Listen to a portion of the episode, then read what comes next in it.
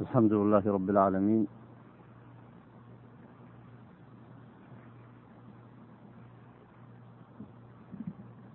الحمد لله رب العالمين. صلى الله وسلم على نبينا محمد وعلى آله وصحبه أجمعين.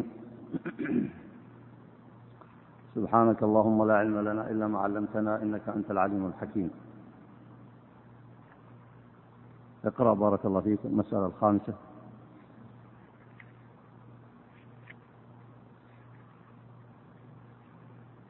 بسم الله الرحمن الرحيم. الحمد لله رب العالمين. والصلاة والسلام على أشرف الأنبياء والمرسلين. قال المصنف رحمه الله المسألة الخامسة. وذلك أن هذه الفرق إنما تصير فرقا بخلافها للفرقة الناجية في معنى كلي في الدين وقاعدة من قواعد الشريعة لا في جزئي من الجزئيات. إذ الجزئي والفرع الشاذ لا ينشأ عنه مخالفة يقع بسببها التفرق شيعا وإنما ينشأ التفرق عند وقوع المخالفة في الأمور الكلية لأن الكليات نص من الجزئيات غير قليل وشأنها في الغالب ألا تختص بمحل دون محل ولا بباب دون باب. نعم بارك الله فيك. هذه المسألة الشاطبي سيتكلم فيها عن سبب من أسباب التفرق وبناها على المسألة السابقة وهي أن البدع تكون في العقائد كما تكون في العمليات لكن حتى لا يتصور متصور أن الخلاف الجزئي قد يؤدي إلى التفرق. الخلاف الجزئي اللي أشار له المصنف هنا والخلاف الجزئيات هو أشبه الخلاف في مسائل الاجتهاد السائر مسائل الاجتهاد الفقهي. كان تكون هذه المسألة يقول العالم فيها قول والآخر يقول فيها قول من أهل السنة وهذا يرجح بدليل وهذا يرجح بسبب. هذه من المسائل التي تكثر في مسائل العبادات أو المعاملات كالمسائل الجزئية مثلا في الخلاف في الحج. أو نحو ذلك. فإن هذه مما يسميه أهل العلم الخلاف في مسائل الاجتهاد ويضعون له ضابطا مهما ويقولون الخلاف في مسائل الاجتهاد السائر. وهذا لا يكلف الله نفسا إلا وسعها. كما ورد في حديث النبي عليه الصلاة والسلام حديث عبد الله بن عمرو بن العاص إذا اجتهد الحاكم ثم أصاب فله أجران وإذا اجتهد ثم أخطأ فله أجر. ذلك أن الاجتهاد في العلم والتعلم والدعوة إلى الله وإصلاح هذه الأمة هو من الأمور الأساسية والأمور الواجبة. فالخطأ في مسائل الاجتهاد عفى الله عنه. وجعل لمن أصاب من اجتهد تكلف وتعب فأصاب له أجران. ومن أخطأ جعل الله له أجرا. ومعنى أن له أجرين على الصواب وأجر على الخطأ أنه غير مذموم وأنه محمود في كلا الحالين. فمدح وحمد على أنه بذل وسعه. من الأمثلة العملية الكبيرة في هذا مثلا شأن الصحابة رضوان الله عليهم فإنهم اجتهدوا في إقامة الدين والدعوة إلى الله. وتطبيق الشريعة ونصرة الحق. لكن قد يقع الخلاف في بعض المسائل الفقهية الجزئية. فهذا الذي اجتهد وبذل وسعه لا يخلو من أجر فهو محمود على كل حال. هذا قصد المصنف هنا لا في جزئي من الجزئيات. ماذا بقي أو ماذا يقابل ذلك أو يضاد ذلك؟ الخلاف في الكليات الأساسيات الخلاف في الكليات الأساسيات فهي من أسباب التفرق في الدين لأنها خلاف على أمور أساسية. الخلاف على أمور أساسية يدخل عليها الجهل ويدخل عليها الأهواء ويدخل عليها البدع. فلا يفهم الناس دينهم فهما صحيحا. فإذا لم يفهموا دينهم فهما صحيحا تفرقوا فيه وتفرقوا عنه. وأصبح الانتساب إليه انتسابا بمجرد الانتساب العام. لكن لا يمكن أن يحققوا مقاصده إلا بعلم صحيح وعمل صحيح. إذا أردت أن تحقق المقاصد الشرعية لا بد من علم صحيح وعمل صحيح. فإذا كان الخلاف في الكليات الأساسية الجهل بها والخلاف عنها فإن مقاصد الشريعة لا تتحقق لك. ولذلك أوجب الله على الإنسان العلم والعمل واتباع السنة. فمن الخلاف في الكليات كما سيأتي معنا. الخلاف مثلا في معاني التوحيد أو في معنى التوحيد هذا خلاف في الكليات الخلاف مثلا في ما سيذكره المصنف في هذه المسألة في التشريع البشري أن أناسا يعطون أنفسهم حق التشريع والاستدراك على الشرع كما سيأتي وهو من أسباب انتشار الأهواء والبدع. الخلاف في الكليات مثلا الخلاف في ما يتعلق بأساسيات الشريعة. فهذا الخلاف فيها يؤدي إلى التفرق ويؤدي إلى الفساد يؤدي إلى الجهل ويؤدي إلى عدم تحقيق مقاصد الشريعة. فالشاطبي يقول هنا أن الفرقة يعني المذمومة تفرق المذموم فرقة المذمومة مخالفة لأهل السنة. ما يمكن أن تسمى فرقة إلا إذا خالفت في أمر من الأمور الكلية الأساسية. سيأتي بهذا أمثلة توضح هذا المعنى. وعلى هذا يصلح أن يكون عنوان هذا الدرس هنا مثلا. أن نقول الخلاف في الكليات وأثره. خلاف في الكليات سواء في الأمور العقدية أو في الأمور العملية. نوضح هذه المسألة بأمثلة أخرى أو بصورة أخرى. فنقول مثلا إن الشريعة جاءت لمحاربة الخرافة. تحقيق التوحيد. وأن التوحيد ليس هو مجرد النطق ليس هو مجرد النطق بالشهادتين بل هو العمل بالإيمان ظاهرا وباطنا. فيتعلق بالعمل بالإيمان تحقيق توحيد الألوهية والأسماء والصفات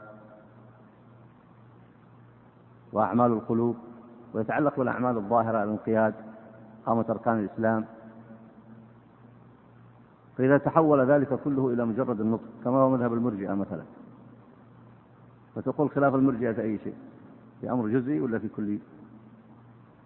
في أمر كلي من كليات الشريعة فهو أمر خطير. ومعنى هذا في مجال التربية والدعوة أنه يحتاج إلى معالجة. ويحتاج إلى إلى إلى, إلى نشر العلم حتى يتصحح هذا المفهوم. هذا الخلل سيأتي الآن تنبيه الإمام الشاطبي هنا. يقول أن الخلاف في الكليات يترتب عليه خلاف في الفروع لا ينحصر. كثير. فمثلا الخلاف على هذا الأصل الذي خالفت فيه المرجئة. ماذا ترتب عليه؟ ترتب عليه انتشار ما يضاد الإيمان مرجئ الغلاة. مثل الشرك. من النواحي التطبيقية المشاهدة مثل عبادة القبور. ماذا ترتب على عبادة القبور مثلا؟ أنواع من الشرك كثيرة لا تحصى.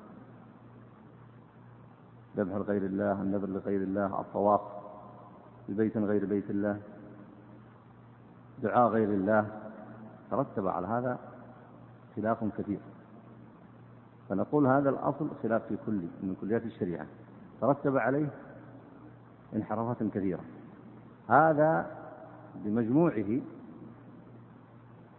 يؤدي إلى الافتراق عن طريق الفرقة الناجية وتعرف ويمكن أن تسمي هذه فرقة إذا وقعت في مثل ذلك. مثلا يسمى المرجئة مثلا أو سموا مثلا عباد القبور الغلاة كما سماهم السلف رضوان الله عليهم. هذا بالنسبة للبدع العقائدية التي ترتبت على هذا الخلاف في هذا الأصل. طب هناك بدع عملية أيضا ترتبت أو لا؟ نعم هناك بدع عملية كثيرة. مثل الصلاة عند القبور. الصلاة لله لا لصاحب القبر. ليست بشرك لكنها بدعة. تحويل القبور إلى مساجد. الإيقاد عندها. وضع السروج عليها.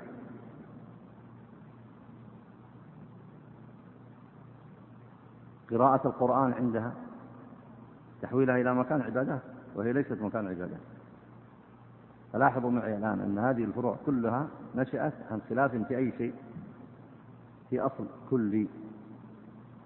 فهذا خلاف في أصل كلي تسمي تسمى به الفرقة فرقة بحسب الوصف الذي تنتسب إليه. ولذلك قال هنا مصنف أن هذه الكليات شأنها في الغالب لا تختص بمحل دون محل ولا بباب دون باب. دخلت في الذبح لغير الله دخلت في النذر دخلت في الطواف دخلت في بقية العبادات دخلت في آه، ما يتعلق بالعبادات بالبدع العملية التي أشرت إليها. دخلت فيها أشياء كثيرة. فإذا جئت تبحث عن التصحيح تصحح ماذا؟ هذه الأمور الظاهرة ولا تصحح الأصل الذي نشأت عنه. تصحح الأصل الذي نشأت عنه. لكن مثلا عند الصحابة هذا كله غير موجود. ليس هناك خلاف في كليات الشريعة ولا في أساسية الدين. لكن هناك خلاف فيما أشار سبقت الإشارة إليه وهو الاجتهاد السائر. فهذا لا يخرجهم هذا الخلاف كما كتب شيخ الإسلام كتابه رفع الملام على الأئمة الأعلام. فهذا لا يخرجهم عن أصول أهل السنة ولا يخرجهم عن أساسيات الشريعة ومن ثم لا يخرجهم عن مقاصد الشريعة اللي هي الاجتماع وإقامة الحق والتعاون على البر والتقوى وهذا الذي حصل منهم. مجتمع مجتمع واحد يقومون بالشريعة ويجاهدون في سبيل الله ويقيمون الحق ليس عندهم شرك ليس عندهم آه، أصول بدعية تنقض أصول السنة. فإذا الخلاف في لم يضرهم. هذا هو مقصد الشاطبي بهذه المسألة وسيدرسها من جوانب شتى. طيب اقرأ بارك الله فيك. واعتبر, واعتبر ذلك واعتبر ذلك بمسألة التحسين العقلي. أو واعتبر ذلك واعتبر ذلك. واعتبر ذلك بمسألة التحسين العقلي. فإن المخالفة فيها أنشأت بين المخالفين خلافا في الفروع. لا تنحصر ما بين فروع عقائد وفروع أعمال. هذه المسألة سبقت معنا فما نعيد الكلام فيها. لكن نأخذ منها هنا ما يليق بالموضع. هذه مسألة فيها خلاف لكن سبق الكلام فيها. لكن ما يليق بالموضع هنا مثلا نأخذ الاعتماد على العقل في التشريع. أن يقول العقل هذا حسن وهذا قبيح.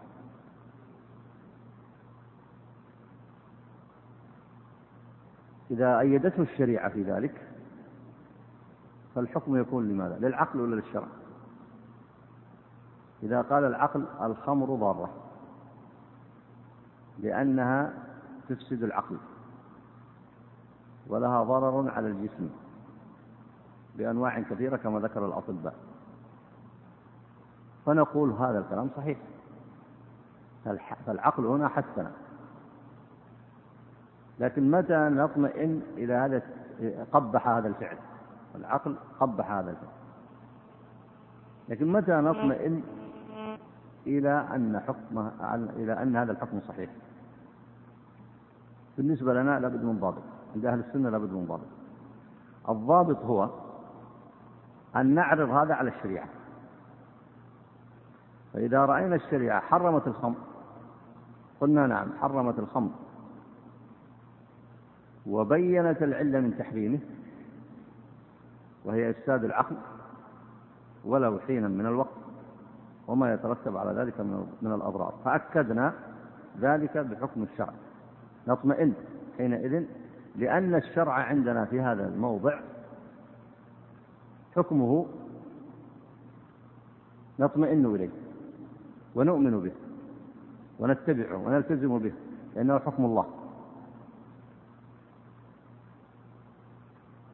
لكن لو أن اتبعنا كل ما يحكم به العقل فإن الأمر فيه خطورة. لماذا؟ لأن عقول الناس في الأرض تتفاوت. عقولهم تتفاوت. وهناك عقول تتجه إلى الشبهات والشهوات يعني ما في في الدنيا عقل مجرد. لابد أن كل عقل يتأثر. فأنت مثلا تفكيرك وعقلك الآن يتأثر بالمنهج الذي تتحاكم إليه وتقتنع به وتؤمن به. وبالأدلة التي تجد اليقين بها في نفسك وبطريقة التفكير التي تفكر بها. لكن لو جاء إنسان ملحد مثلا كيف تتصور أنه يفكر؟ فيكون تفكيره خلاف تفكيرك. أنت معك الإيمان بالله وهو معه الكفر. أنت معك مثلا حب الفضيلة وهو معه حب الرذيلة. أنت مثلا لا تستبيح المحرمات وهو يستبيح المحرمات. وهذا عند الناس يسمى عاقل وأنت تسمى عاقل. فما الحكم؟ فمن هو الحكم إذن؟ ما هو الحكم الذي يرجع إليه في مثل هذا؟ الشرع.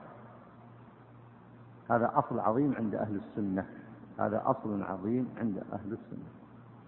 فالعقل لا يسرح في أمر إلا بقدر ما يسرحه الشرع لأن العقل أداة أداة. يمكن أن تكون هذه الأداة نافعة ويمكن أن تكون ضارة.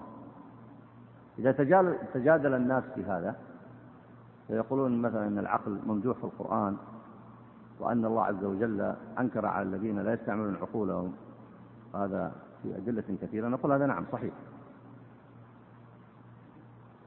لكن قد يستعمل الإنسان عقله استعمال غير صحيح. إذا قالوا ما الدليل؟ ما البرهان؟ ما الدليل؟ ما البرهان؟ نقول الدليل الموجود الآن. الموجود قديما في العالم وحديثا. فجميع الأمور الخرافية مثلا في العالم الذين اتبعوها يزعمون أن لهم عقول. مثل عبادة الأصنام. واستباحة المحرمات مثل في العصور المتأخرة الشيوعية مثلا مثل المذاهب الإلحادية. فإذا الحاكم على الناس والحاكم على العقول الحاكم على الأفئدة والحاكم على الجوارح والحاكم على الأمم هو حكم الشرع. هذا أصل عظيم عند أهل السنة. ماذا ينبني على هذا الأصل؟ ونأتي بمثال أيضا يوضح أن الخلاف في الكليات يؤدي إلى الافتراق. فمثلا إن بنى على هذا الأصل عندما يتبع مطلق العقل ويقدمه على الشرع إن بنى على ذلك ما ذكره الشاطبي كما سيأتي معنا في هذا الموضع عند أهل الجاهلية التشريع. التشريع من دون الله. ما معنى التشريع من دون الله؟ التشريع معناه إنشاء العقائد. أو إنشاء الأحكام. التحليل أو التحليل. بغير مصدر بغير حكم من الله. بغير برهان من الله. كيف يصنع هؤلاء؟ يجعلون ما يتبعونه هم أنفسهم وما يجتمعون عليه وما يتواضعون عليه أصلا يرجعون إليه. فيشرعون في العقائد ويشرعون في الأحكام. هذا التشريع نقول خلاف في جزئي ولا خلاف في أمر كلي؟ في الكليات ولا في الجزئيات؟ الشاطبي يقول في الكليات والدليل تنبني عليه فروع لا تحصى. الآن البدع اللي ذكرها الشاطبي في هذا الكتاب كثيرة ولا قليلة؟ وحذر منها. كثيرة جدا. ما سبب نشأتها عند أصحابها؟ التشريع من دون الله أو سبب آخر؟ يعني هل اجتهدوا اجتهادا صحيحا ورجعوا إلى كتاب الله وسنة نبيه عليه الصلاة والسلام فخرجوا بهذه النتائج؟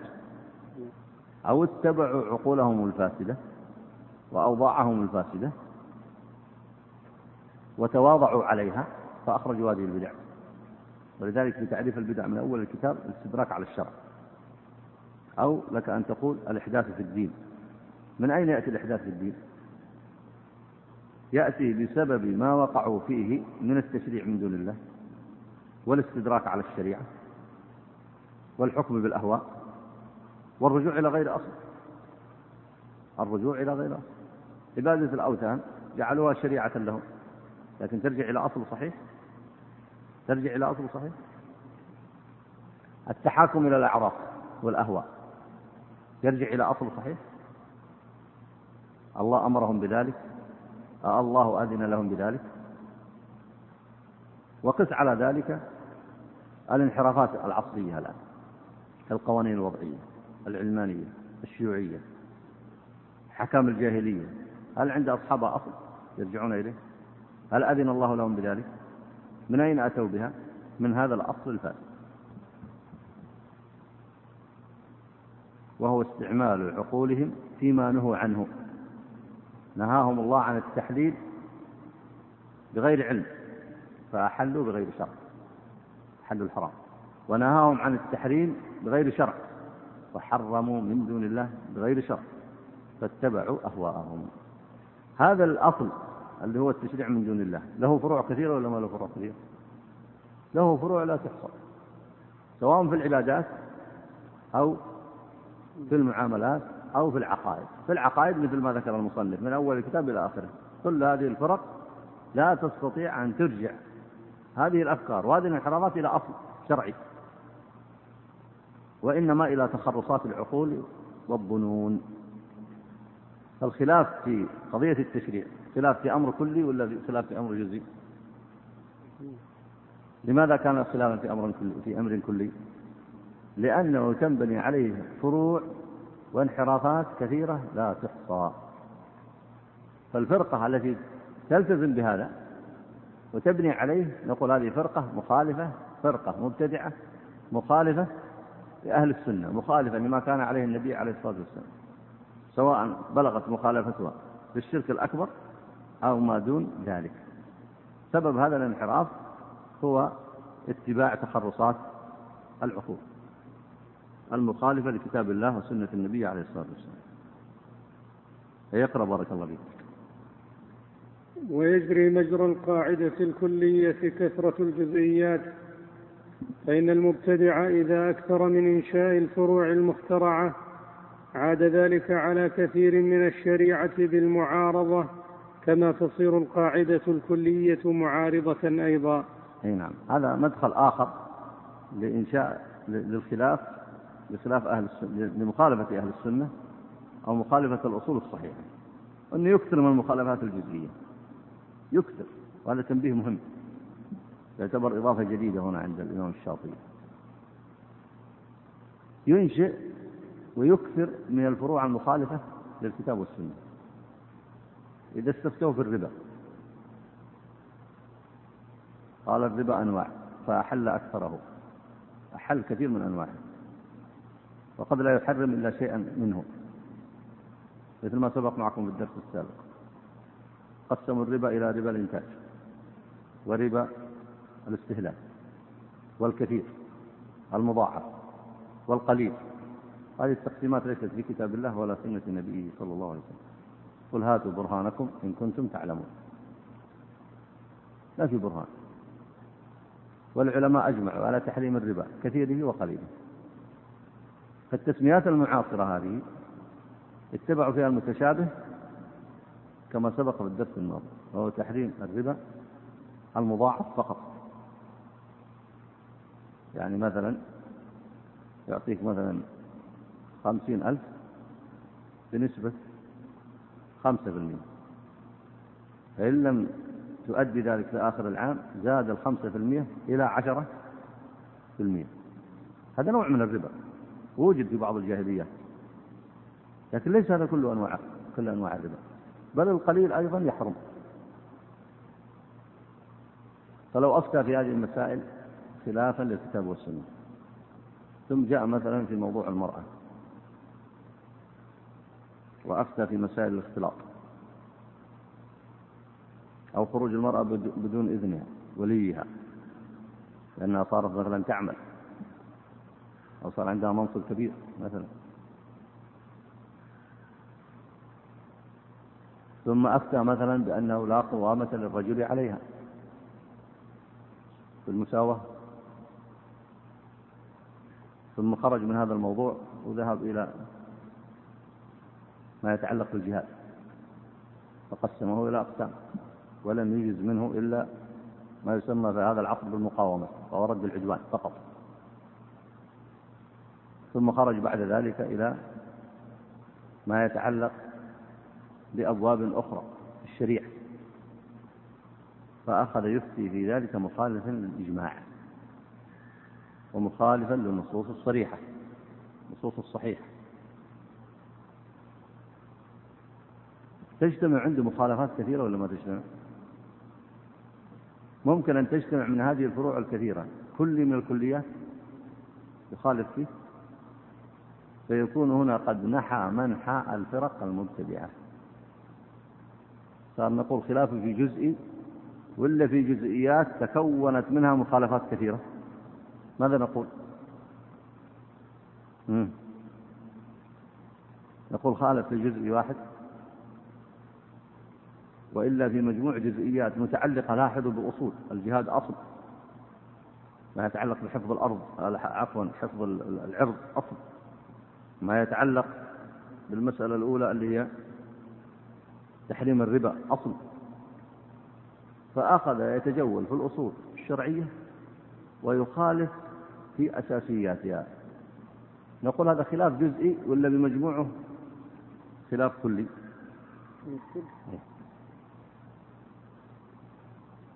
وهذا خطر أسلوب الفتوى المعاصر الآن. أسلوب الفتوى المعاصر عند بعض المفتين. تجد في كل أصل ينخر لكن لو جمعتها عليه صارت طامة عظيمة. فسيأتي تنبيه الشاطبي لهذه المسألة. فقوله هنا ويجري مجرى القاعدة الكلية كثرة الجزئيات. يعني الجزئيات التي يخالف فيها المفتي الأصل الشرعي. فإذا اجتمعت لو كانت واحدة الضرر فيها كبير والانحراف فيها خطير. فما بالك إذا اجتمعت وتكاثرت وتعلقت بأكثر من أصل من أصول الشريعة؟ فإن الأمر فيها حينئذ يتضاعف.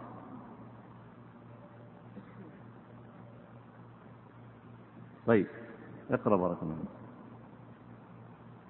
ويجري مجرى القاعدة في الكلية كثرة الجزئيات فإن المبتدع إذا أكثر من إنشاء الفروع المخترعة عاد ذلك على كثير من الشريعة بالمعارضة كما تصير القاعدة الكلية معارضة أيضا. معارضة. معارضة أيضا.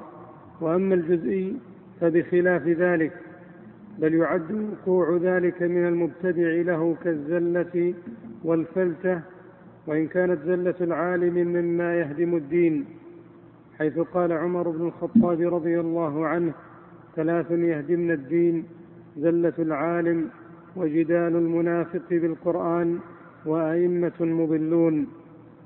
ولكن إذا قرب موقع الزلة لم يحصل بسببها تفرق في الغالب ولا هدم للدين بخلاف الكليات. الزلة هنا قال أنها تقع من المبتدع في مسألة واحدة في جزء. ثم ذكر ما روي عن عمر بن الخطاب رضي الله عنه ثلاثة يهدمن الدين. زلة العالم مثل المسائل المذكورة وإن لم تجتمع من أكثر من باب حتى لو كانت في مسألة واحدة. مثل اللي يفتي بحل أكثر أنواع الربا. وليس عنده محرم إلا الأضعاف المضاعفة اللي النسبة فيها مرتفعة فقط. هذه زلة. كيف عرفنا أنها زلة؟ مصادمة للقرآن. لقول الله تعالى يا أيها الذين آمنوا يا أيها الذين آمنوا اتقوا الله وذروا ما بقي من الربا. فما هنا عموم يشمل جميع أنواع الربا. وهو حصر التحريم على بعضه. فهو مصادم لنص القرآن.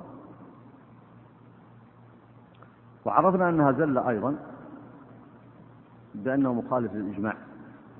لأنك إذا جئت لكتب الفقهاء رحمهم الله أجمعوا كل فقهاء أهل السنة أجمعوا على أن الربا قليله وكثيره حرام. ولم يقسموا التقسيم الآن الذي يقسمه بعض المفتين. فلا شك أن هذه زلة. شوف لاحظ كلام عمر هنا تهدم الدين. تهدم الدين. لأن الناس يغترون بها. فتؤثر عليهم. تهدم الدين. وجدال المنافق بالقرآن. جدال المنافق بالقرآن. يعني يتبع المتشابه ليدافع عن أفكاره الضالة. كيف يجادل المنافق بالقرآن؟ يعني الآن أكثر أفكار العلمانية يكتبها أناس ويقولون قال الله وقال رسوله. يعني أنت تأتي له تقرأ له المقال. وتجده يأتي بأشياء تهدم الدين ويأتي للناس بمتشابه. يعني يأتي بالآيات والأحاديث يفسرها على هواه. ويقول أنا أتكلم بالكتاب والسنة. فهذا نبه عليه عمر قال وجدال منافق بالقرآن. يعني يستعمل الآيات في غير موضعها. وقد سبق مع لهذا أمثلة كثيرة فيما سبق. يعني مثلا الذي يدعون الألوهية لعيسى وأنه جزء الله.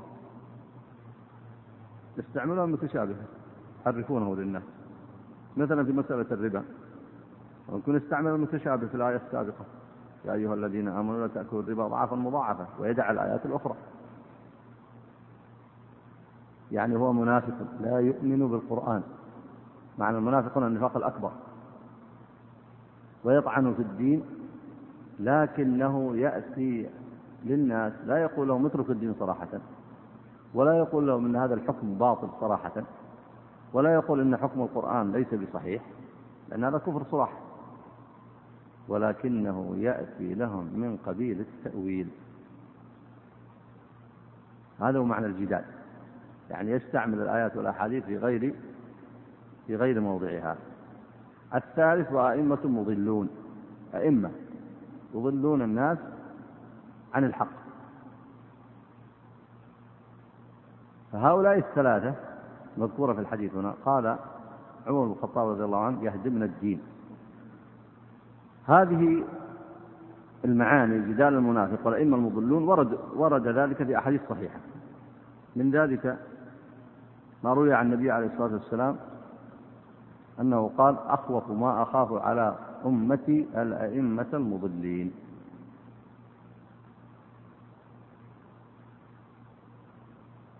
وجه الربط هنا في هذا الموضع هنا لأنهم لا يكونوا أئمة مضلين إلا إذا خالفوا في كليات وأساسيات فيوجهون الأمة إلى غير الطريق الصحيح.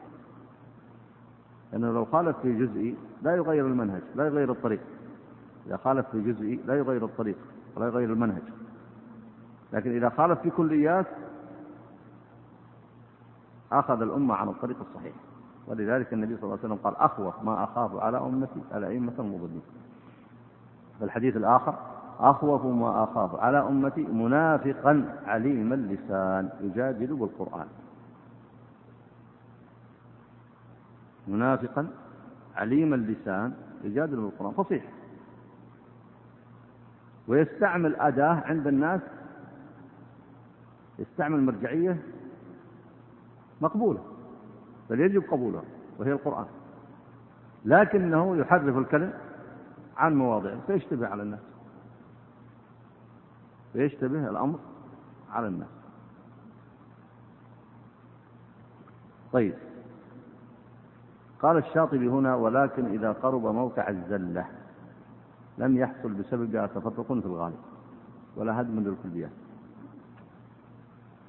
يعني مثلا العالم يلتزم بأصول أهل السنة يلتزم بأصول أهل السنة ويدافع عنها وينشرها يستقيم عليها ويدعو الناس للتحاكم إلى الشريعة وينفع الله به. لكن قد يخطئ في مسألة ليس الخطأ اللي هو الاجتهاد زلة. يعني يعرف الناس أنها خطأ واضح كبير مخالف للإجماع خالف للنص. يقول الشاطبي إذا قرب موقع الزلة هذه يعني ما انتقل إذا نكون كليات أخرى انحرافية منحرفة يقول الأمر فيه قريب. كيف يصير قريب فيه؟ يقول أنه في العادة لا, لا يقع بسبب تفرق ولا يهدم الدين. لا يهدم الدين. وهنا يشير الشاطبي هنا إلى أنه يبقى له اسم العالم والمجتهد. ويكون من علماء السنة ويقال أن هذه منه مخالفته هذه زلة. لكن تجدها قريب موضعها يعني في موضع واحد. تبحث له عن المواضع الثانية ما تجد مثل ذلك. لكن لو تنقل إلى المواضع الثانية فأتى بزلة هنا في مسائل الربا مثلا وأتى بزلة مثلا في مسائل الجهاد وأتى بزلة أخرى في ما يتعلق بمسائل الإجماع في قضايا المرأة وأتى بزلة هنا مثلا في بعض مسائل العقائد وأتى بزلة هنا في كذا. إذا اجتمعت تكاثرت عليه وأدى ذلك إلى هدم الدين. ولهذا اتخذ علماء السنة هنا منهجا وسطا. إذا كانت الزلة قريبة كما ذكر الشاطبي هنا فإنه يحذر منها بحسبها. وإذا زادت وانتشرت فإن هذا العالم تسقط عنه شرعية العلم. يفترق الأمر. فالحينئذ لا يجوز قبول فتواه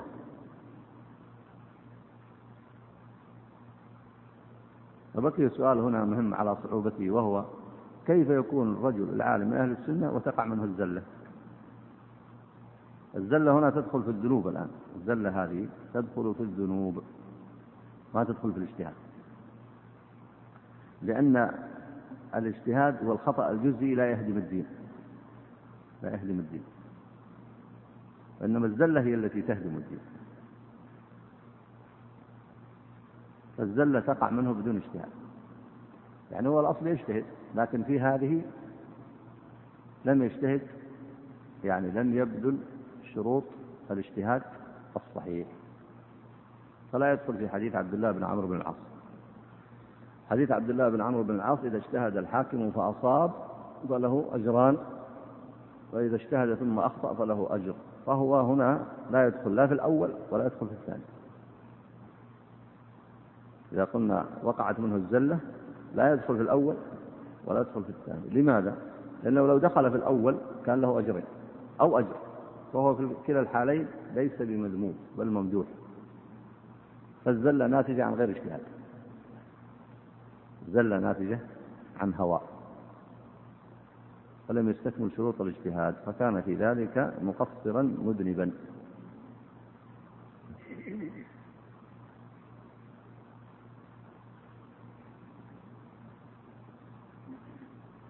طيب اقرأ بارك الله فأنت ترى موقع اتباع المتشابهات كيف هو في الدين إذا كان اتباعا مخلا بالواضحات وهي أم الكتاب وكذلك عدم تفهم القرآن موقع في الإخلال بكلياته وجزئياته. لاحظ الآن الخطورة اللي ينبه إلى الشاطبي الآن. حتى يعلم أن انحراف الأمة هو بسبب بعدها عن أصول العلم. والقيام به حق قيام. فائدة هذا البحث أن المفروض أن العلماء والذين يقودون الأمة في مجال الإصلاح وأئمة الدين هؤلاء المفروض أن يكونون على الأصول والكليات والأساسيات مجتمعين. هذا الأصل. لأن هذه لا يجوز القرب منها. أساسيات واضحات ثوابت محكمات كما سبق معنا في المحاضرات الأخرى. وهي من الواضحات كلام الشاطبي. قال تكون اتباع المتشابهات مخلا بالواضحات. الواضحات مثل أعمدة المسجد هذه واضحات ليست محل جدل. وكما سبق معنا يدركها الذكي والغبي. لا يمكن نحن الآن في المجلس الآن طلبة علم نختلف على عد الأعمدة هذه. ما أحد يقبل منا هذا. لا يمكن نقول عدوا الأعمدة ثم نخرج من الباب ونقول والله اختلفنا على فريقين من يقول الأعمدة في المسجد هذه عشرة ومنا من يقولون 15 ما يقبل منا هذا. فلا يقبل ممن تقدم الأمة في العلم صيانة قيادة والحكم أن يفترقوا على الواضحات الأساسية. ومعنى هذا إذا تم الاجتماع ستجد أمة واحدة قوية. أركان الإسلام كلها سليمة المفروض. هذا الفرض. لأنها من الواضحات في حقيقة التوحيد. تجد أمة تجتمع على تحقيق التوحيد. على الحكم بشريعة الله. الحكم بشريعة الله واجب. ووجوبه من الأمور الواضحة. ما هو محل جدال وإن جادل فيه المنافقون. جدال منافق عليم بالقرآن. الحكم بشريعة الله واجب. قامت الصلاة إيتاء الزكاة صوم رمضان إيتاء الزكاة بقية أركان الإسلام تحريم الربا تحريم الخمر حفظ الدين حفظ بقية الضروريات كليات الدين الأساسية التي تحفظ الأمة وتقويها. هذه من الواضحات. ما يقبل إدخال التشابه عليها. فإذا قال قائل يعني ما دامت من الواضحات كيف ابتليت الأمة فيها؟ بحيث أنه يمكن يدخل التشابه عليها. الاجتهاد ونقل العلم والدعوة والتعليم ابتلاء. لاحظتم النقطة هذه؟ وقد سبق الإشارة إليها. ابتلاء. وذكرها الإمام الشافعي في رسالته. الاجتهاد التعامل مع العلم مع الدعوة الحكم بالشريعة ابتلاء. الله عز وجل ابتلى الناس فيه. يصدقون أو لا يصدقون. يقومون فيه بالحق أو لا يقومون فيه بالحق. يقولون كلمة الحق أو لا. يجتهدون اجتهاد صحيح أم لا. هذا ابتلاء. فإذا نجحت الأمة في الابتلاء ارتقت وأخذت مكانها الصحيح. إذا أخطأت وسقطت في الابتلاء عوقبت.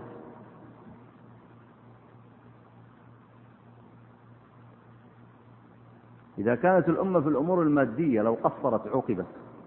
في الأمور المادية مثل أسباب النصر في أمور مادية تتعلق بها. لو قصرت في الأمور المادية عوقبت. وسقطت في الابتلاء. وقد يغلب عليها عدوها. هذا وهي قد اجتمعت على الواضحات الأساسيات البينات في الدين. فكيف لو خالفت في الأول وسقطت في الابتلاء في الثاني؟ ماذا تتوقع؟ ماذا تتوقع. ولذلك هذا تنبيه جيد ذكره الشافعي وذكره غيره من أهل العلم. ونبه إليه الشافعي في كتابه الرسالة. هذا من الابتلاء. ولذلك عندك العلماء ينقسمون. علماء سنة وعلماء بدعة. وهذا يتكلم بالقرآن وهذا يتكلم بالقرآن. تقول ماذا نصنع؟ نرفع مستوى الأمة حتى تستطيع أن تفرق وتفهم. يجون الناس يقول متى نرفع مستوى الأمة؟ طيب إلى متى تترك؟ بحيث تجهل الأساسيات وتتبع فيها أهل الزيغ والضلال. فالأمة وقع عليها الابتلاء القدري من الله في أمرين عظيمين. في الاجتماع على أساسيات الدين والاختلاف في الجزء لا يضر. راجح ومرجوح وأدلة ومناقشات والوصول إلى الصواب والأمر فيه سهل. لكن تجتمع على الواضحات. البينات الأساسية. في المقابل تستكمل العدة المادية. في أسباب النص. فأهمية هذه البحوث على صعوبتها أنها تلفت انتباه طلبة العلم والعلماء إلى أنك لا بد أن تعمل في الإصلاح في الأمرين في الجهتين. لابد أن تعاد الأمة بعيد عن النظر إلى الإقليميات أو الوطنيات أو التقسيم التقسيم المعاصر للأمة. لابد أن تعود الأمة كل الأمة ولو في الجملة إلى الواضحات البينات. بعض الناس يقول يا أخي أنت تريد الأمة كلها تعود. كل الأمة تعود إلى تفهم الدين فهما واحدا نقول نعم. في الواضحات الأساسيات لا بد من ذلك. ومن هنا يقع يقوم التوحد. والتعاون على البر والتقوى. وأن تكون أمة ذات منهج مستقل متميز لا تدخل عليها المناهج المنحرفة في العالم.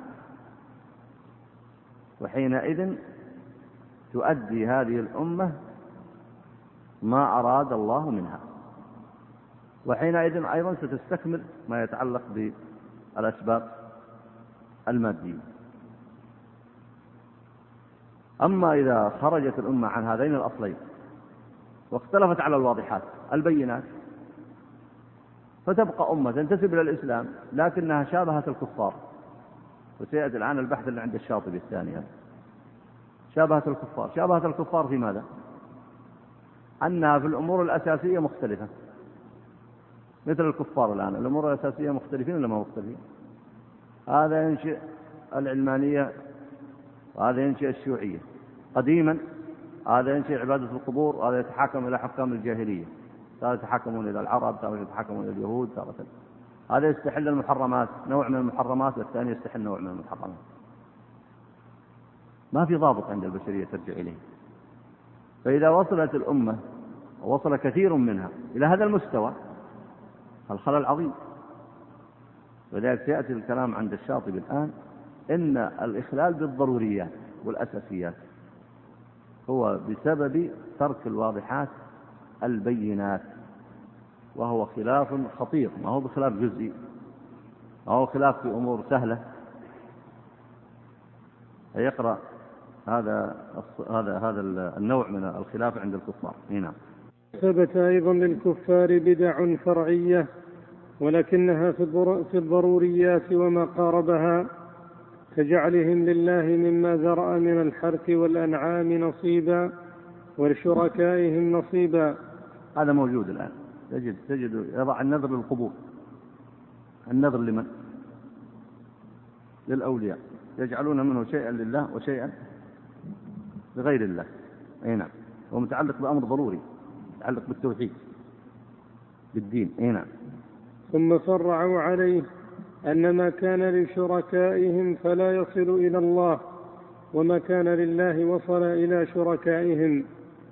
وتحريمهم البحيرة والسائبة والوصيلة والحام. هذا الأصل موجود عند الكفار وانتشر بين المسلمين أن شيء من الدين لله وشيء لغير الله شيئا لله وشيئا للشركاء.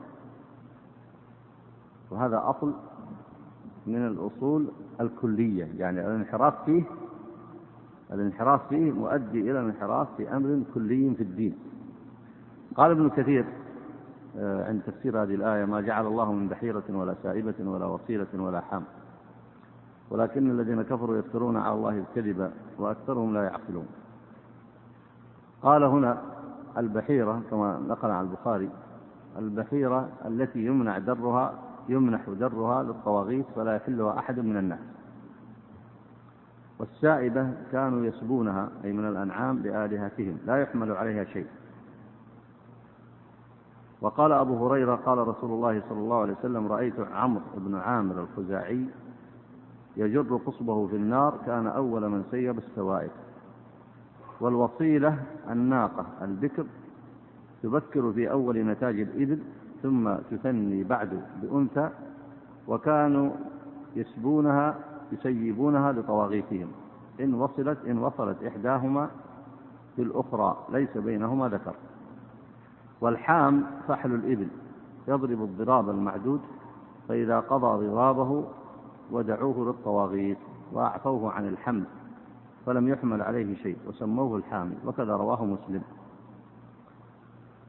وعن عائشة رضي الله عنها قالت قال رسول الله صلى الله عليه وسلم رأيت جهنم يحسن بعضها بعضا ورأيت عمرا يعني عمرو بن الحي يجر قصبه وهو أول من سيب السوائد تفرد به البخاري. هذا تغيير لملة إبراهيم. يعني تغيير لكل من الكليات الأساسية في الدين متعلق بالضروريات وهو حفظ اعتقاد الناس أول ما حدث أحدثه رجل من أهل الجاهلية غير به ما كان معروفا عند الناس من التوحيد واتباع ملة إبراهيم عليه السلام. ذكره الشاطبي هنا ليبين أنهم جعلوا لله نصيبا وجعلوا للشركاء نصيبا. هذا بالنسبة للعقائد. اكمل الباقي. وقتلهم أولادهم سفها بغير علم. هذه الأمور هنا تتعلق بالعمليات. نعم. وترك العدل في القصاص والميراث. كانوا يطبقون القصاص ويقولون القتل أنفى للقتل العرب كانوا يقتلون القاتل ويقولون القتل أنفى للقتل يعني إذا أردت أن تخلي المجتمعات من القتل وانتهاك الدماء فاقتل القاتل. هكذا يقولون. لكن أيضا كانوا يتدخلون فيه. فمثلا إذا قتلت المرأة لا يقتل قاتلها. يتدخلون في التشريع. يتدخلون في التشريع والميراث أيضا. كانوا يورثون على بعض ما ورثوه من ملة إبراهيم عليه السلام. لكن كانوا يتدخلون أيضا. كانوا يمنعون المرأة من الميراث. كانوا يمنعون المرأة من الميراث وكانوا أيضا يتصرفون في المواريث. فهم عند أنفسهم يقولون نتبع ملة إبراهيم. لكن في الحقيقة يجعلون بعض الدين لله وبعضه وبعضهم لغير الله. فهذا من التشريع الذي اتخذوه ديدنا لهم وجعلوه أصلا بينهم. نعم.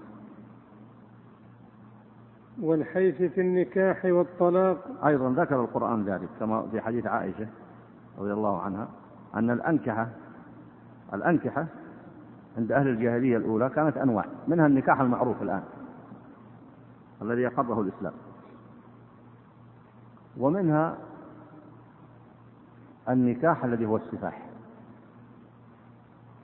يجتمع القوم على المرأة. هذا موجود في العالم الآن. فينكحونها. كانت العرب من قبل يحاولون ينظمون النسل الذي يقع من هذا النكاح. لكن الآن حتى هذا لا ينظرون إليه وهو كله شر وفساد. من النكاح عندهم أن يأتي الرجل فيرسل امرأته. إلى رجل شجاع صاحب حرب أو شاعر أو صاحب حكمة فيقول أنكحي فلانا. يعني يتركها في حالة طهر ثم يرسلها لرجل يضاجعها وينكحها. ماذا يقصد؟ يقصد نجابة الولد. وهذا من أحكام الجاهلية. فعندهم النكاح الصحيح اللي وفق الشريعة بقي من ملة إبراهيم. وعندهم الذي تصرفوا فيه بسبب إيش؟ بأي سبب؟ سبب التشريع من دون الله يشرعون من عند أنفسهم. يعني هم أعطوا أنفسهم حق التشريع فجعلوا السفاح لمن أراده بشروط معينة عندهم حقا. مثل ما يتعلق الآن بالجانب الإباحي في حقوق الإنسان الآن. جعلوا ما يتعلق بالزنا والشذوذ حقا. إيش معنى حقا؟ يعني حقا مشروعا. طيب من شرعه لكم قل هاتوا برهانكم إن كنتم صادقين. نبئوني بعلم. وش قال الله عز وجل هنا؟ قال والذين كفروا يفترون على الله الكذب. نحن ما نعرف في العالم شيء يسمى حق إلا أن الله جعله حقا. فأنت إذا وصفته بأنه حق إما أن تقول إن الله جعله كذلك أو أن تقول أنا من حقي أن أحدد الحقوق. فنسألك من الذي أذن لك بذلك؟ والعجيب أن هذا النوع الذي عند الجاهلية الأولى الذي يقول الرجل لامرأته اذهبي فاستبضعي. هذا ورد في حديث عائشة عند البخاري. يقول الرجل لامرأته شوف فين تروح كرامة النساء. ولذلك الواجب التربية يتركز على نوعية الإنسان. الجاهليات تفسد نوعية الإنسان. يقول الرجل لامرأته اذهبي فاستبضعي من فلان. فتذهب تدق عليها الباب تستبضع منه. ثم يدعها لا يطأها حتى لا يخالط ماءه ماء الرجل الذي أرسلت أرسله إليها. يبغي ماذا؟ يريد نجابة الولد. ما سمعتم بهذا قبل أيام في الموضوع ده؟ قبل حوالي ستة أشهر. سمعتم بشيء من هذا ولا ما سمعتم؟ فين سمعت بنوك بنوك ماء الرجال. بنوك ماء الرجال. قالوا الذين حصلوا على جائزة نوبل الجاهلية القذرة تجمع ماءهم في بنك. وكل واحد يرسل مرأته تطعم من هذا الماء حتى تأتي برجل نجيب. في فرق بين الأمرين؟ في فرق؟ ما في فرق؟ يعني هذه عقلية الجاهلية دائما. عقلية الجاهلية. إذا شرعت التشريع من عند أنفسها خلاص يأتونك بالعجائب. هذه كتبوا عنها في الغرب ونشروها. ليجمعون ماء الرجال الذين حازوا على جائزة نوبل باعتبار أنهم عباقرة وينجبون العبادة العباقرة. وكل واحد عياذا بالله ممن يريد في الغرب يرسل امرأته ويلقحونها من هذا الماء لعلها تأتي برجل نجد. هذا خلق الجاهلية الأولى وهذا خلق الجاهلية الثانية. نشأ من فين؟ حق التشريع من عندهم. أنت أصلا ما تملك أصلا تعترض عليها أنت. يعني تعترض علي بشيء. هذا حق بشري لي أنا. فهذا فرع. شوف قال الشاطبي والحيف في النكاح والطلاق. هذا فرع من بدعة التشريع عندهم. فأنت تصلح ماذا أولا؟ تصلح الفرع هذا ولا تصلح البدعة الأساسية؟ والطلاق. الطلاق يطلق المرأة ثم يسترجعها قبل العدة يطلقها ثم يسترجعها قبل العدة يطلقها ثم يسترجعها قبل العدة يضار بها. والآن في العصور الموجودة الآن ينازع أصلا في وضع الطلاق بيد الرجل. يقول يوضع الطلاق بيد المرأة. يكون الطلاق بيد المرأة. ويخالفون في ذلك أمرا معلوما من الدين. وإذا سألتهم عن ذلك قل هاتوا برهانكم إن كنتم صادقين. نبئوني بعلم ما في علم في تخرصات الجاهلية تصنع ما تشاء من التشريعات الضالة. اقرأ بارك الله وأكل مال اليتيم على نوع من الحيل إلى أشباه ذلك مما نبه عليه الشرع وذكره العلماء. حتى صار التشريع ديدنا لهم. هذه مهمة قضية مهمة نبه لها الشاطبي في أكثر من موضع. كثير من الناس ينظر إلى البدع نظر جزئي. وهذا قد يفيد بالنسبة للبدعة نفسها. لكن الأمر أخطر من ذلك. جعلوا التشريع البشري ديدنا لهم. إيش معنى ديدنا لهم؟ يعني مستمر حياتهم هكذا. شرع من دون الله. وبهذا يأكلون في طريق والإسلام في طريق آخر. يكون الإسلام في طريق وهؤلاء في طريق آخر لأنهم لا يرجعون للشريعة بل يعطون أنفسهم حق التشريع بهذه الصورة المذكورة فيخترعون ما شاءوا من المذاهب من العقائد من العبادات من الأحكام. طبعا البشر الضعيف هذا الذي يحب الشهوات والشهوات. إذا قلت له شرع ماذا يصنع؟ أنت لو جئت له بنظام صحيح مأخوذ من شرع الله فقلت له طبق هذا النظام إذا لم تجعل عليه رقابة شديدة ماذا يصنع؟ يخالف مخالفات لا تحصى. وقد يقلب النظام رأسا على العقل ويتحايل عليه. فما بالك إذا أعطيته التشريع أصلا هو الذي يضع النظام؟ وهو الذي يطبق النظام. إذا أعطيته التشريع يشرع ما يشاء يشرع ما يحلو له. طبعا هم ماذا يقولون في التشريعات البشرية المعاصرة الآن؟ يقول لك هذا رغبة الشعب وإرادة الشعب وإرادة الأمة وأغلبية البرلمان. وخذ ما شئت من الكلام ويبقى السؤال قائما من الذي أعطى الأمة حق التشريع؟ من الذي أعطى أغلبية البرلمان حق التشريع؟ من الذي أعطاكم مجتمعين أو متفرقين حق التشريع؟ قال الله عز وجل أم لهم شركاء شرعوا لهم من الدين ما لم يأذن به الله. فهؤلاء الذين شرعوا من الدين ما لم يأذن به الله مردود عليهم أمرهم. لا بد أن يجيبوا عن سؤال عن, عن سؤال واضح في القرآن. قل هاتوا برهانكم إن كنتم صادقين. نبئوني بعلم. أأنتم أعلم أم الله؟ والذين كفروا يفترون على الله الكذب. فسواء شرعوا مجتمعين أو مفترقين بالأغلبية أو بغير الأغلبية من الذي أعطاكم ذلك؟ سؤال لا تستطيع البشرية أن تجيب عليه. إلا بالتمرد على الدين. مجرد التمرد فقط. ولذلك أحلوا المحرمات. وقعوا في قادورات. لا يمكن يتصورها عقل. واشتركوا مع الجاهليات السابقة. مثل الموضوع السابق الذي ذكرته. يعني تظن أن الذي وضعوا البنك الذي يجمع فيه ماء الرجال لأنهم حصلوا على جائزة نوبل اطلعوا على حديث عائشة رضي الله عنها في وصف نكاح الجاهلية الأولى وقالوا نريد أن نصنع كما صنعت الجاهلية الأولى. أم على حد قول الله تعالى أتواصوا به بل هم قوم طاغون. أنت تظن, تظن أنهم اطلعوا على أن هذه موجودة قديما وأخذوها؟ هذا فكر تنتجه الجاهلية ينتجه التشريع البشري في أي مكان من الأماكن ويمكن ينتج أقبح من هذا. هذه تداعيات البشرية في أمر التشريع.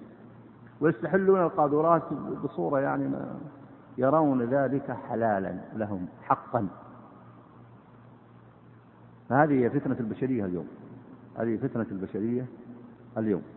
ودخل على المسلمين في ذلك شر كثير. إي نعم. حتى صار التشريع ديدنا لهم وتغيير ملة إبراهيم عليه السلام سهلا عليهم. فأنشأ ذلك أصلا مضافا إليهم وقاعدة رضوا بها وهي التشريع المطلق للهوى. لا الهوى يعني رضوا بها ما يحتاج إلى جدل طويل هل هم رضوا بها أو ما لم رضوا بها. واقع يدل على ذلك. غيروا ملة إبراهيم. إن شئت في العقائد انظر ماذا صنع اليهود والنصارى في تغيير ملة إبراهيم.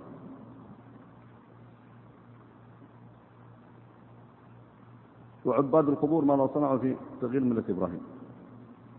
وإذا جيت للتشريع في العمليات انظر كيف غيروا ملة إبراهيم عليه السلام. يعني كل ما يحفظ الأصول المشهورة الدين والنفس العقل والمال غيرت تغييرا كبيرا. هي في ملة إبراهيم عليه السلام والأنبياء كما سبق معنا في بحث المحكمات كلها واحدة. ومع ذلك البشرية غيرتها. فقال الشاطبي هنا اتخذوا التشريع ديدنا لهم وغيروا ملة إبراهيم عليه يعني غيروا ملة الأنبياء. إذا قال هنا غيروا ملة إبراهيم عليه السلام يعني غيروا ملة الأنبياء. وش رايع الدين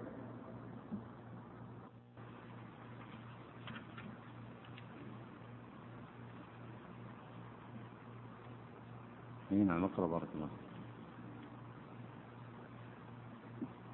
ولذلك لما نبههم الله تعالى على إقامة الحجة عليهم بقوله تعالى قل الذكرين حرم أم الأنثيين. قال فيها نبئوني بعلم إن كنتم صادقين. فطالبهم بالعلم الذي شأنه ألا يشرع إلا حقا وهو علم الشريعة لا غيره. ثم قال تعالى أم كنتم شهداء إذ وصاكم الله بهذا تنبيها لهم على أن هذا ليس مما شرعه في ملة إبراهيم عليه السلام. بارك الله فيك. هذان تنبيهان يعرض يعرض الشاطبي الآن الأول ثم يعرض الثاني وهو منهج قرآني في مطالبة الناس. إذا أرادوا أن يقولوا هذا حق أو هذا حلال أو هذا حرام أن يأتوا بعلم. كما قال الله عز وجل نبئوني بعلم إن كنتم صادقين. العلم لا بد أن يكون له مصدر صحيح. العلم لا بد أن يكون له مصدر صحيح. المصدر الصحيح هذا ليس بشريا. صرف النظر عن العلم المادي. العلم المادي علم مختبرات. الله عز وجل أعطى الإنسان وأوجب عليه أعطاه قدرة.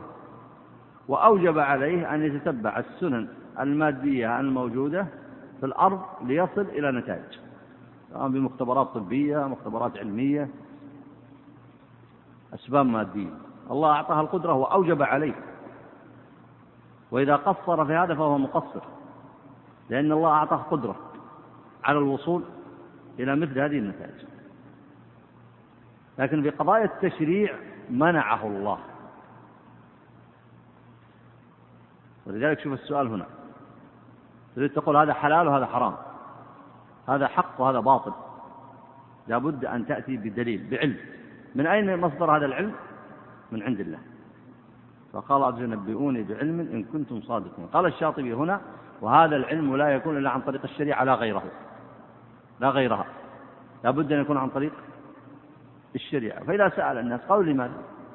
الله عز وجل في الأسباب المادية قال اعملوا واتبع السنن في الأسباب المادية في الاختراع صناعة الطائرات صناعة السفن ما يتعلق بعلم الفلك ما يتعلق بعلم بعلم الطب. وفي أمور الحلال والحرام والتشريع قال ممنوع هذه أصول هذا علم يجب عليك أن تتبعه. نقول الذي قال ذلك هو الله ولا يملك البشر أن يعترضوا على الله. خلاص هذا ما في جواب غير كذا. إذا أنت تؤمن بأن لك رب وإله وهذا الإله موصوف بصفات الكمال والجمال وهو العليم الحكيم وأنت عبد له وتريد أن تعبده وتؤمن وتصدق بكلامه فاستجب. وإن كنت لا تؤمن ولا تصدق بكلامه نعود معك إلى الأصل. لنقنعك بالإسلام والتوحيد. لكن إذا اقتنعت بالأصل والإسلام والتوحيد فما في مجال للسؤال. الله عز وجل جعل الأسباب المادية من واجباتك أنت تطلبها وتسعى في تحقيقها والعمل فيها من خلال ما رزقك من القدرات. في مجال الطب تدخل المعمل والنتيجة تخرج عن طريق النتائج المعملية والأسباب. هذه سنة مادية جعلها الله عز وجل مرتبطة بالأسباب وفي الزراعة في سنن في الصناعة في سنن في وسائل الحرب في سنن مادية تصل إلى نتائج. فجعل الله الأسباب المادية تتكون بإذن الله عن طريق إنتاجك المادي أنت وعملك بالأسباب وكلفك بذلك. فإذا قصرت فأنت مؤاخذ. في أمور العقائد والغيب والتشريع والحلال والحرام تحديد الحقوق الله عز وجل عزلك عن هذا الموضوع. لأن الله يعلم أن هذا البشر ليس عنده استعدادات كافية ليتحقق ذلك. بدليل أن واحد يعبد الحجر واحد يعبد البقر.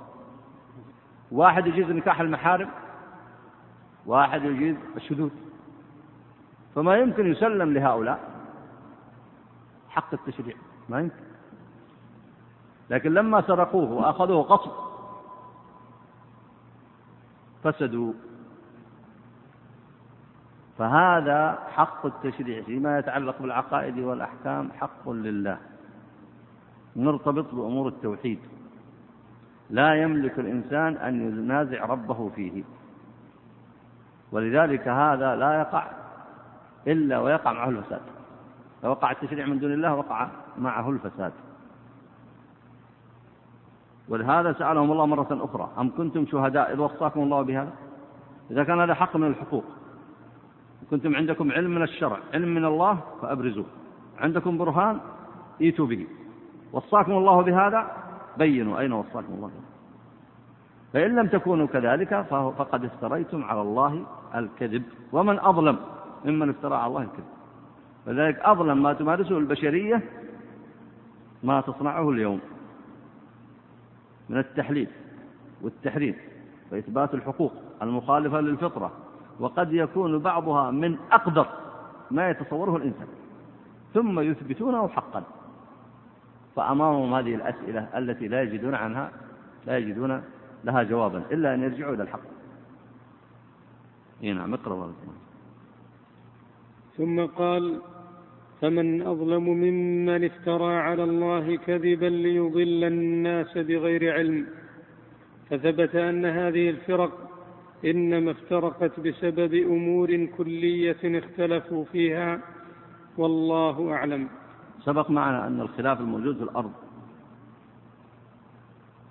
خلاف خلاف الكفار للمسلمين وسببه التشريعات الفاسدة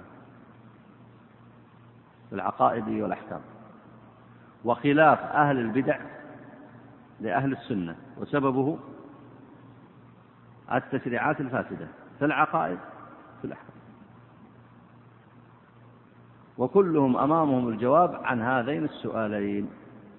نبئوني بعلم إن كنتم صادقين أم كنتم شهداء إذ وصاكم الله بهذا. وذلك منتشر في القرآن في مثل قوله تعالى قل هاتوا برهانكم إن كنتم صادقين أأنتم أعلم أم الله؟ وليس هناك جواب عند هؤلاء ولا عند هؤلاء. ليس عندهم جواب. الخلاف الثالث هو خلاف في جزء ولا يضر كما سبق الكلام عليه. ونكتفي بهذا المقدار. نسأل الله لنا ولكم العافية. نجيب عن الأسئلة المذكورة هنا.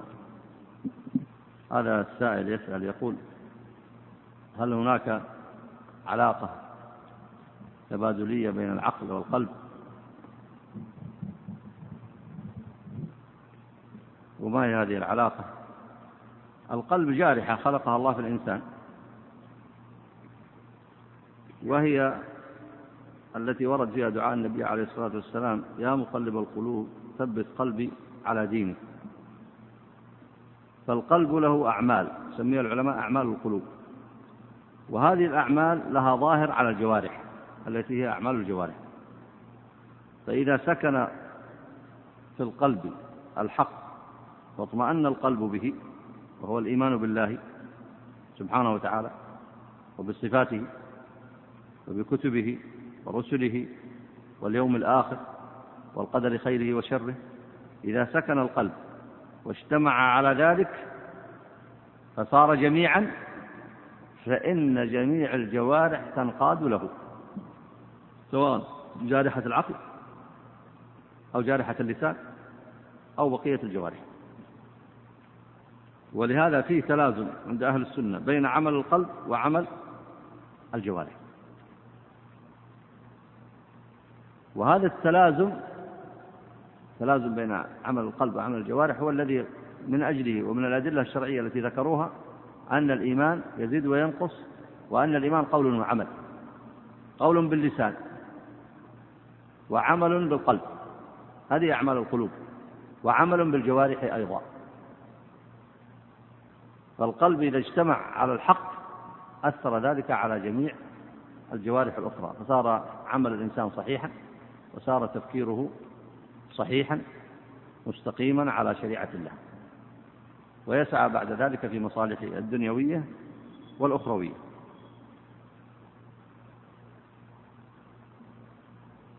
هذا السؤال دائما يكرر. يقول من الناس من ينكر تحدث الجان على لسان الإنس وهو مسألة التلبس؟ هذا تلبس الجان الجني بالإنس ثابت ومعلوم. ورد في أحاديث وأيضا معلوم من حيث الواقع. فهذا التلبس يحدث بسبب أمور كثيرة منها غفلة الإنسان عن ذكر الله ومنها أيضا عدم الذكر غفلة الإنسان عن ذكر الله ومنها ترك الأحكام الشرعية بحيث الإنسان يعيش في فراغ. فإذا عاش في فراغ يخرج من حصنه يخرج من الحصن فلا يتحصن. والإنسان خارج حصنه ترد عليه أمور كثيرة ومنها ما قد يقع عليه من تلبس الإنس. يجد أناس مثلا يلبسون له أفكار فاسدة أو أنه يتأثر بتلبس الجن كما ولذلك أمر الله عز وجل بالدعاء في قوله تعالى قل أعوذ برب الناس ملك الناس إله الناس. من شر الوسواس الخناس الذي يوسوس في صدور الناس من الجنة والناس.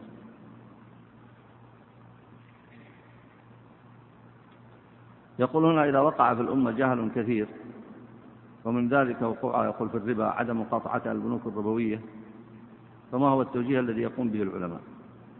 هذا واضح في كلام أهل العلم على أن التحاكم إلى الشريعة كما, كما بناء على هذا الدرس المذكور هنا متعلق بأمر كلي. يعني إذا وقع التحكم إلى الشريعة صلحت الفروع إذا وقع الإخلال بالتحكم إلى الشريعة ولو في بعض الجوانب فسدت فروع كثيرة فالخلاف فيها خلاف في أمر كلي. يعني قضية الحكم بشريعة الله أصل كلي. من حيث تعلقه بأمر الخاصة والعامة ومن حيث تعلقه بجزئيات الحياة العامة أيضا ومن حيث تعلقه بأمورك الخاصة في نفسك وبأمورك مع الجماعة. ومن حيث تعلقه بالمستجدات الجديدة اللي تحدث للأمة ومن خلال تعلقه بأمور المعاملات في جميع الأبواب. فإذا وقع الخلل فيه انتشر الخلل في فروع كثيرة ولذلك أكد القرآن عليه كثيرا. القرآن أكد على هذه القضية كثيرا في آيات كثيرة. ففي سورة البقرة قسم الله عز وجل الناس إلى ثلاثة أقسام الكفار والمنافقين والمسلمين ممن كانوا على ما كان مثل على ما كان عليه النبي عليه الصلاة والسلام وأصحابه. الخلاف بين الكفار والمسلمين واضح. دخول المنافقين في الوسط هنا لانتسابهم للدين وتركهم للتحاكم للشرائع ولهذا ذكرهم الله ذكر شبههم. ومن الناس من يقول آمنا بالله وباليوم الآخر وما هم بمؤمنين يخادعون الله والذين آمنوا وما يخدعون إلا أنفسهم وما يشعرون. ثم قال الله عز وجل وإذا قيل لهم لا تفسدوا في الأرض قالوا إنما نحن مصلحون كيف يكون الفساد في الأرض؟ بالمخالفة عن شريعة الله. فالفساد تتفرع له فروع كثيرة. فإذا كان الحكم في الشريعة والمرد إليها في كل أمر وقف الفساد. وهذا العموم المقصود في قول الله تعالى بعد قوله سبحانه وتعالى ألم تر إلى الذين يزعمون أنهم آمنوا بما أنزل إليك وما أنزل من قبلك يريدون أن يتحاكموا إلى الطاغوت وقد أمروا أن يكفروا به ويريد الشيطان أن يضلهم ضلالا بعيدا. كيف يكون الضلال البعيد كيف يكون الضلال البعيد في أمر جزئي؟ ولا في أمور كلية وفروع لا تنحصر؟ فهذا من المواضع الأخرى هذا موضع ثاني نبه الله عز وجل على أهمية هذا الموضوع. فقال الله عز وجل فلا ولا وربك لا يؤمنون فلا وربك لا يؤمنون حتى يحكموك فيما شجر بينهم. فربط التحاكم بالإيمان. فلا وربك لا يؤمنون حتى يحكموك فيما شجر بينهم. ثم لا يجدوا في أنفسهم حرجا مما قضيت ويسلموا تسليما. والمواضع في هذا منتشرة في القرآن. وكما حرم الله الشرك في ما يتعلق ببعض أنواع العبادة حرم الشرك في التشريع. في سورة يقرأها الناس كل جمعة وهي سورة الكهف. فإن الله ذكر فيها النوعين. النوع الأول في قوله تعالى ولا يشرك في حكمه أحدا. والنوع الثالث قال الله عز وجل في آخر السورة فمن كان يرجو لقاء ربه فليعمل عملا صالحا ولا يشرك بعبادة ربه أحدا. فلما ترتب وقوع الفساد في الأرض على على بسبب ترك التحاكم للشريعة فإن الله عز وجل نبه على ما يقع من هذا الفساد وهو كثير ونبه الله عز وجل عليه في مواضع كثيرة من كتابه سبحانه وتعالى. إذا كثر الفساد عن عن عن وكثر الاختلاف الحكم بالشرع هذه المخالفات الكثيرة التي تقع والفساد الذي لا ينحصر في فروع كثيرة لا بد أن يغطى بعادة أهل الجاهلية بالتشريع البشري. تأتي الخطورة هنا. أولا بالمخالفة عن أحكام الشرع. فإذا وقع الانحراف عن أحكام الشريعة وحكم فيها بغير شرع الله ووجدت هذه الفروع الكثيرة التي لا تنحصر في أبواب أخرى فلا بد لها من نظام وحكم فتغطى بالتشريع البشري. وهذا الذي وقع في الأمم الأخرى. وهو من البدع التي نبه عليها الشاطبي في هذا الكتاب. يقول ما رأيك في الدراسة في دول تدعم اليهود؟ دعم قوي. وما رأيك في قطع الجزء الأكبر في دراسته؟ فهل يجوز له المواصلة أم يتركها في سبيل الله؟ حتى يتم الأمان والحفظ للضرورية. هذا بالنسبة للدارس هذا أمر جزئي يتعلق به. وما يمكن أن تكلفه الأمة أن يقطع دراسته في الغرب لأجل يقاطع اليهود أو يقاطع من يدعم اليهود. هذا يصعب الفتوى فيه لا يمكن. بل يقال له كمل دراستك واتق الله وعد إن شاء الله ناصرا للحق معينا لأمتك على الخير. لكن صعب ما أحد يستطيع يفتيه أنه يقطع دراسته. لكن أنت لو جعلت السؤال بصورة أخرى. هذا الصحيح سؤال متعلق بأمر جزئي. فلا يقال لمثل هذا أنه يقطع دراسته لكن يقال للأمة كلها بما عندها من مقدرات أنها تقاطع اليهود وتقاطع من يدعم اليهود حتى يشعر الأعداء أن هذه الأمة تستطيع أن تصنع شيئا. لأن الآن الجدل الكثير الآن في الدفاع عن الفلسطينيين عن إخواننا الفلسطينيين والدفاع عن مقدساتنا. الجدل المعروض الآن أن الأمة لا تستطيع الحرب مع أنها لو أرادت لاستطاعت لكن في أسباب ليس المقام هنا لذكرها. طيب سلمنا جدلا أنكم لا تستطيعون الحرب والقتال. سلمنا جدلا أنكم لا تستطيعون الحرب والقتال. طيب الغرب له مصالح. الذين يدعمون اليهود لهم مصالح كثيرة في العالم الإسلامي. إذا قوطعت هذه المصالح فإن هؤلاء سيتأثرون أثرا بالغا. وسيترتب على ذلك فوائد كثيرة لا تحصى. أولا أنهم سيرفعون القتل عن إخواننا الفلسطينيين. هذا أقرب مكسب ينتظر. الأمر الثاني أنهم سيشعرون أن لهم أمة تستطيع أن تقاومهم ولو في بعض الأمور. الأمر الثاني أن الناس كلهم سيتوحدون على هذه القضية ويشعرون أن عندهم سلاحا وهو سلاح ضعيف طبعا يسمونه المقاطعة الاقتصادية. يستطيعون أن يجتمعوا عليه فتبدأ الأمة تجتمع ويجتمع ذهنها وفكرها على مقومات أساسية حتى تستطيع أن تقوم وتؤدي دورها. طبعا في فوائد أخرى كثيرة ما يتعلق باقتصاد المسلمين وتقوية اقتصاد المسلمين وغير ذلك. لكن الفائدة الكبرى أن يعرف العدو أن أمامه أمة قد تستطيع تتخذ موقف. لأن الحقيقة إلى الآن ما ما في موقف. موقف واضح للأمة تمثله يؤثر في العدو ما في موقف. فبهذا على الأقل على الحد الأدنى يشعرون أن هذه الأمة ممكن تجتمع على شيء ويمكن تقوم بموقف وهو من أضعف المواقف. وهذا الواجب إعادة النظر فيما يتعلق بالمقاطعة الاقتصادية.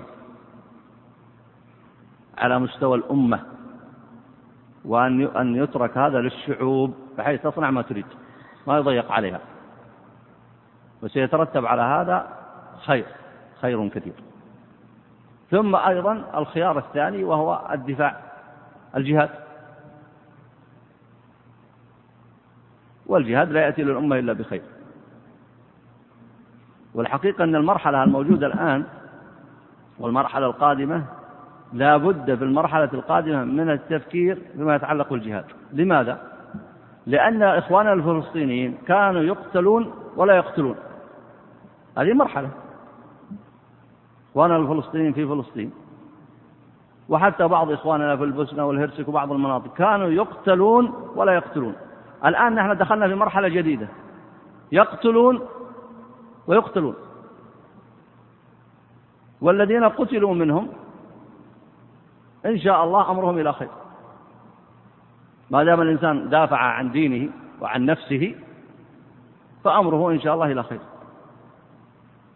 فإذا كانت الأمة دخلت في هذه المرحلة وهو أن فيها من يستطيع أن يقاوم ويقتل ويقتل فالمرحلة الثانية هي الجهاد فلا بد من الاستعداد له. ولا بد من موقف صحيح. وإذا قيل الأمة متفككة تعود الأمة إلى الاجتماع.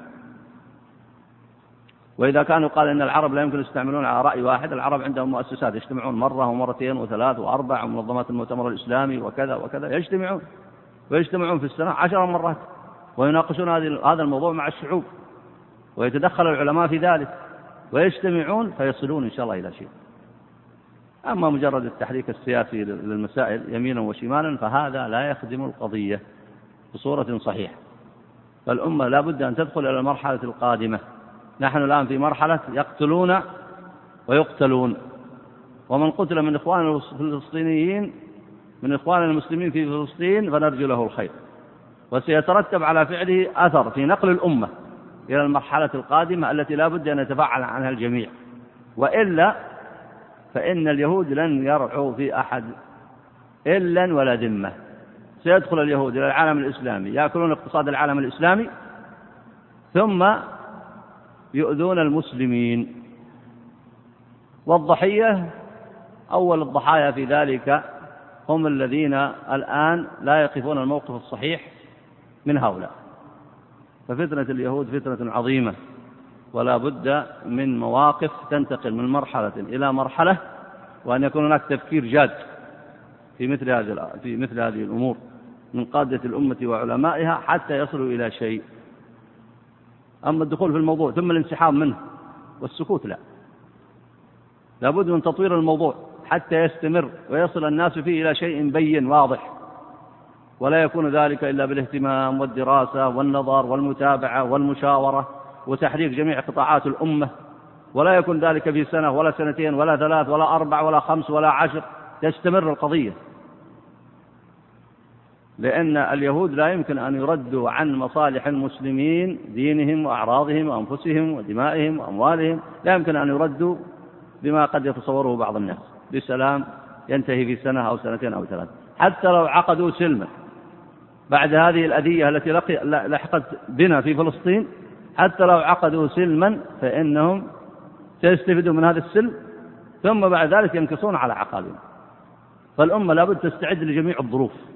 الأمة لابد أن تستعد لجميع الظروف. وكونها تستعد وتتحمل مسؤوليتها خيرا من أن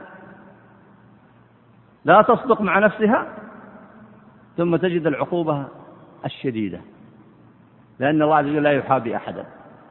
إن صدق المسلمون في نصرة أنفسهم ومقدساتهم وإخوانهم هيأ الله لهم أسبابا. وإن تراجعوا إلى الخلف واكتفوا بالأمور الشكلية وفرحوا بقضية السلم بأنه ينهي القضية فإنهم لن يفلحوا. فقضية هذه الأمة أكبر مما يتصوره الناس. فينبغي أن تستعد له تستعد لها لذلك الأمة في جميع أحوالها.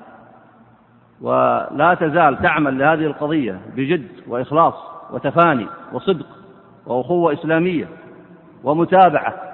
السنوات الطوال حتى يقضي الله أمرا كان مفعولا. ليهلك من هلك عن بينة ويحيى من حي عن بينة ولينصرن الله من ينصره. إن الله قوي عزيز. السلام عليكم ورحمة